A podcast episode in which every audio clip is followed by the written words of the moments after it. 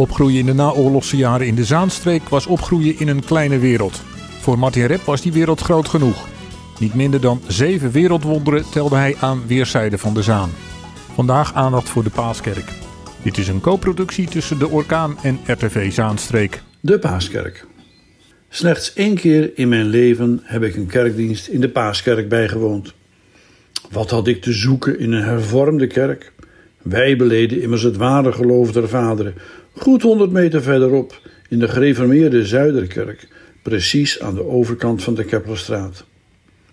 Maar ik was nieuwsgierig geworden, omdat niet alleen in de Tyfoon, maar ook in landelijke kranten uitgebreide verhalen hadden gestaan over de Paaskerk. Ik koos een plaatsje uit op de galerij, zodat ik kon uitkijken over het kerkvolk beneden.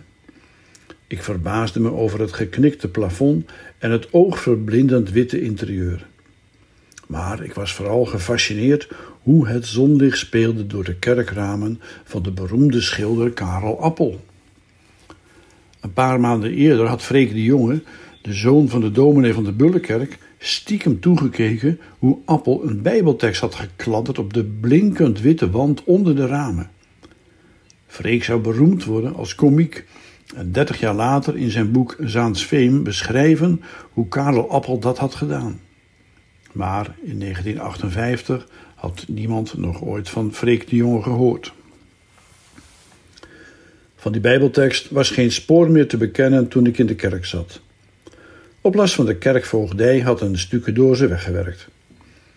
De moderne kerkramen, voorstellende de zes dagen van de schepping, leidden altijd opschudding, maar de blunder om Appel de wand van de kerk te lijf te laten gaan met een dikke zwarte verfkwast zorgde voor hilariteit in het hele land. De gebeurtenissen in Zaandam waren door al deze toestanden landelijk nieuws. Op slechts een paar honderd meter van onze sigarenwinkel aan de Meidoornstraat werd geschiedenis geschreven en kunst gemaakt met een grote K. De Paaskerk was gebouwd op een landje aan het einde van de burgemeester van de Stadstraat, waar ik soms voetbalde met mijn vriendje Rob Berghegen. De kerk was ontworpen door architect Karel Simons, een vriend van Willem Sandberg, directeur van het Amsterdamse Stedelijk Museum. Veel te modern, vonden de zaankanters. En leden van de Nederlands hervormde gemeente hielden de hand op de knip als er werd gecollecteerd voor de Paaskerk, toen ze hadden gehoord dat niet Anton Pieck, maar de omstreden kunstenaar Karel Appel de ramen zou maken. Heel erg vond ik het trouwens niet dat we ons voetbalterreintje kwijtraakten. Je was pikzwart na een metsie. Het terrein was bedekt met sintels en na een regenbui bleven er plassen in staan. Ik kwam dagelijks langs de bouw als ik naar de dominee Lindemom school liep of bij Rob ging spelen. Van dag tot dag zag ik het gebouw groeien en vanuit het steegje achter Robs huis konden we de veelbesproken kerkramen zien. Toen de kerk klaar was, stuurden kranten uit het hele land verslaggevers naar de inwijding. De grootste krant van Nederland deed er wat lacherig over. Hans Engelman schreef in de Telegraaf: De voosheid en de armetierigheid van appels vormen is hier wel zeer evident. Zo'n spelletje met kleurtjes accepteren wij in de etalage van een modemagazijn, op een foldertje voor zeepreclame of op een jaarbeurs, maar niet in een kerk. Na het eenmalig bezoek, kort daarna, was mijn nieuwsgierigheid bevredigd. Mijn tweede bezoek zou meer dan 60 jaar op zich laten wachten.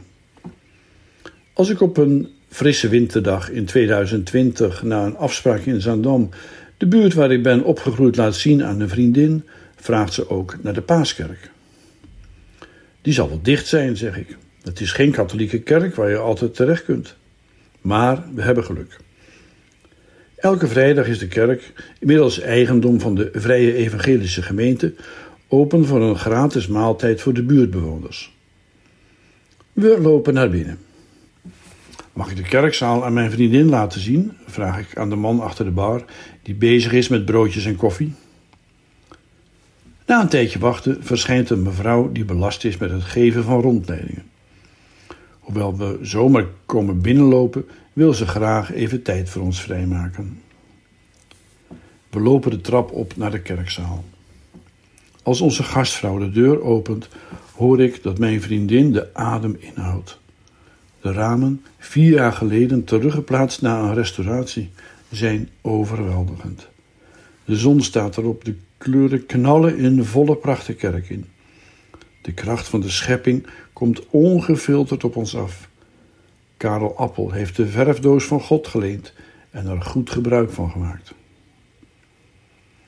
We bewonderen het interieur, terwijl de mevrouw verrassend veel blijkt te weten en over de geschiedenis van de kerk vertelt.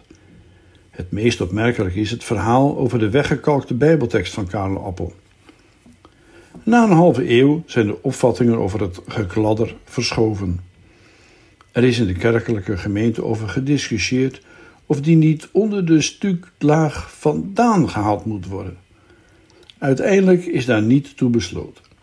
Maar wel wordt bij bepaalde gelegenheid de Bijbeltekst op de muur geprojecteerd, precies op de plek waaronder zich de tekst van de schilder bevindt. De tekst is er niet, maar toch ook weer wel. Misschien, zo bedenk ik me, als we de kerk weer uitlopen, is dat nou net het mysterie van Gods woord. Tot zover deze blik door de ogen van Martin Rep op de Paaskerk. Volgende keer vast een nieuwe blik in deze co-productie tussen RTV Zaanstreek en De Orkaan.